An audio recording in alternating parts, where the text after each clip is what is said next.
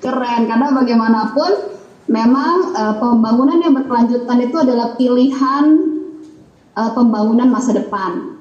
Karena terkait dengan perubahan iklim ya kita sudah tahu ya perubahan iklim yang kita hadapin. Dan satu-satunya pilihan untuk pembangunan ke depan adalah adalah pembangunan yang berkelanjutan. Dan Papua Barat memulainya lebih dahulu begitu dibanding yang lain. Itu keren banget ya. Dan uh, saya saya sebenarnya lebih senang kita ngobrol ya.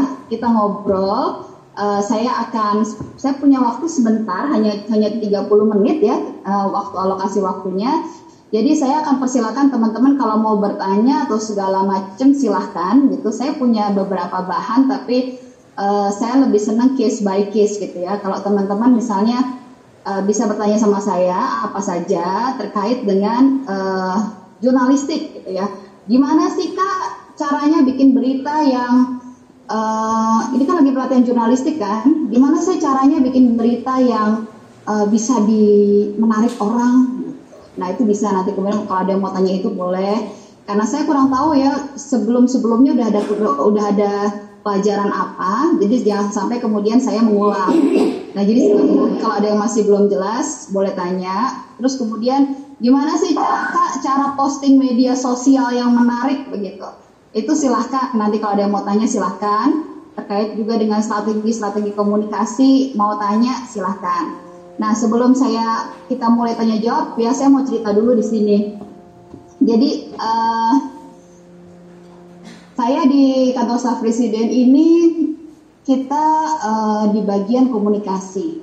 Nah so soal Papua nih ini ada yang menarik sekali ya. Jadi dulu waktu sebelum saya masuk di pemerintah di kantor staf presiden saya kan jurnalis ya. Dan kemudian dua tahun saya banyak gerak di macam-macam termasuk juga NGO dan saya ngelihat ini nih pemerintah itu udah buat apa ya buat Papua gitu ya? Nggak kok nggak kelihatan gitu. Terus kemudian ketika saya masuk ke dalam masuk ke dalam kantor staf presiden saya kaget-kaget ternyata banyak yang udah dibuat gitu. udah buat ini udah buat udah buat soal pendidikan udah buat soal kesehatan, soal infrastruktur, dan kemudian saya melihat ada sesuatu yang signifikan berbeda ya uh, dengan Presiden Jokowi ini. Kalau dulu pendekatan kepada Papua adalah pendekatan yang lebih kepada keamanan, sekarang lebih kepada Presiden tuh menekankan terus berkali-kali gitu ya kepada seluruh jajarannya pendekatan Papua ke depan adalah pendekatan kesejahteraan. Terus saya saya cuma mikir ini kenapa nggak nyampe ya semua informasi ini ya Bahkan kemudian uh, presiden itu bikin satu impres, impres percepatan pembangunan uh, provinsi Papua dan provinsi Papua Barat. Nah di sana ada quick wins. Quick wins itu ada delapan quick wins di sana yang uh, memaksa 40 kementerian lembaga, bayang nggak? Memaksa 40 kementerian lembaga membuat program-program cepat, bayang nggak? Jadi namanya disebut quick wins. Uh, jadi bukan hanya program biasa, tapi program quick wins. Jadi uh, memaksa seluruh 40 kementerian lembaga untuk bekerja cepat begitu, untuk mewujudkan hasil-hasil yang cepat. Nah, salah satunya itu adalah Papua Hijau. Ya, Papua Hijau di sana bagaimana pembangunan Papua yang berkelanjutan dan kemudian investasi-investasi itu diselaraskan dengan pembangunan yang berkelanjutan sebagai satu prinsipnya. Nah, hmm, dan saya melihat wah ini nih kenapa sih nggak nggak kedengeran ya hal-hal yang begini tuh nggak kedengeran gitu nah terus akhirnya kemudian um, ya kita sekarang lagi mengajak begitu ya mengajak banyak pihak stakeholders untuk kemudian yuk kita uh, omongin yuk bahwa ini nih sebenarnya Papua nih sudah maju sampai segini loh sebenarnya dan banyak uh, orang-orang uh, asli Papua yang keren-keren banget begitu prestasinya di mancanegara dan sebagainya keren banget. Jadi kalau misalnya teman-teman tahu misalnya di lima besar ya uh, staf khusus presiden dari Papua itu saya lagi banyak bekerja sama dengan Billy dan timnya untuk kemudian kita sama-sama kita suarain yuk anak-anak Papua yang keren-keren yuk Indonesia nih harus tahu orang Indonesia secara keseluruhan dari Sabang sampai Merauke harus tahu ada orang-orang Papua yang keren-keren gitu yang wow yang lulusan mancanegara yang punya inisiatif-inisiatif bagus, termasuk juga Papua Barat yang punya inisiatif-inisiatif bagus untuk pembangunan berkelanjutan. Ini harus kita suarain. Gitu. Nah, uh, ini yang sebenarnya uh, saya ingin ngajak teman-teman semua di sini untuk kemudian kita sama-sama kita suarakan hal-hal yang baik tentang Papua, bukan hal-hal hal-hal pilihan-pilihan baik yang dibuat oleh masyarakat Papua, keunggulan-keunggulan Papua, terus kemudian juga orang-orang Papua yang punya inisiatif-inisiatif dan kreativitas yang keren-keren gitu. Jangan jangan biarkan maksudnya uh, persepsi-persepsi yang uh, terbangun mungkin selama ini bahwa Papua ini ah Papua ini provinsi paling terbelakang Indonesia. No, kita jangan biarkan itu persepsi itu berkembang. Kita harus lawan dengan konten-konten informasi-informasi yang menunjukkan bahwa Papua ini keren loh. Apalagi anak-anak muda Papua ini masa depan Papua yang luar biasa. Jangan biarkan persepsi yang berkembang di luar bahwa juga Papua ini tidak aman tuh jangan gitu.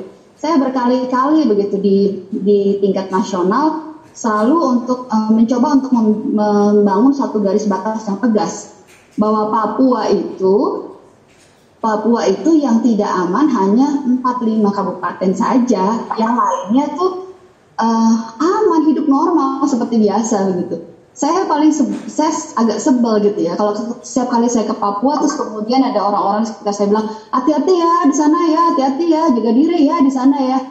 Eh saya tuh ada di saya ke Jayapura loh nggak ada masalah sama sekali di sana gitu.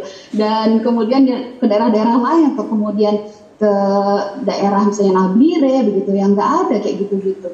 Jadi uh, kita harus melawan perspektif-perspektif negatif yang memang mungkin terbangun dengan maraknya narasi yang ada di publik.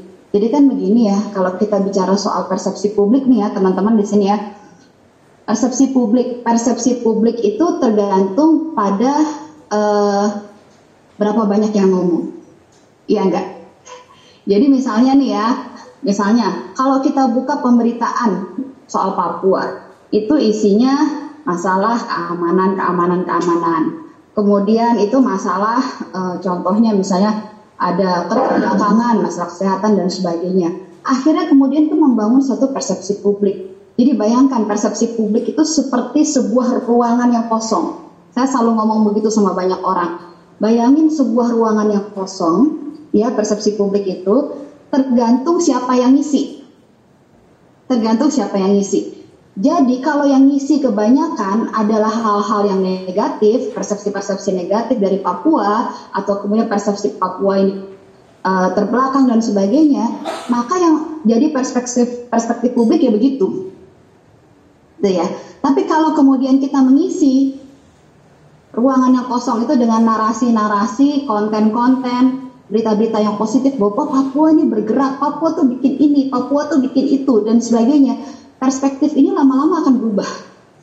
Nah, inilah di sini peran penting dari teman-teman semua di sini untuk kita sama-sama membangun perspektif itu. Tentunya kita kan sama-sama cinta Papua. Saya juga walaupun bukan orang Papua, tapi saya cinta Papua. Saya saya tuh dari seluruh daerah di Indonesia paling sering bolak-balik ke Papua dalam rangka kerjaan maupun juga liburan.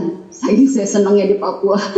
Nah uh, dan juga ada pelayanan juga pergi ke Papua. Jadi ini uh, kita tentunya ingin membangun sebuah positivity uh, yang perspektif publik terhadap Papua. Nah seperti contoh ini pon nih ya teman-teman ya pon kita masih bergulat dengan pertanyaan-pertanyaan dari para kontingen PON, aman nggak pergi ke sana gitu. Dan berusaha meyakinkan bahwa kita harus membedakan gitu ya. PON itu kejadiannya di mana, konfliknya itu di mana, ibaratnya itu jauh banget. Nah ini ini yang harus kemudian kita sama-sama uh, perangi dan isi narasinya.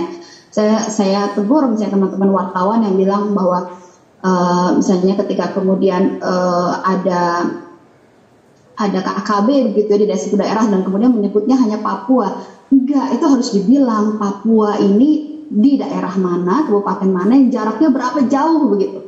Harus ada dibangun perspektif itu kan, kalau enggak orang akan menyebut Papua secara garis besar kondisinya seperti itu. Nah itu ya uh, itu yang jadi kegelisahan saya dan jadi isi hati saya yang saya ingin tularin ke teman-teman semua di sini urgensinya kenapa kita perlu bersuara dengan hal-hal positif mengenai Papua itu.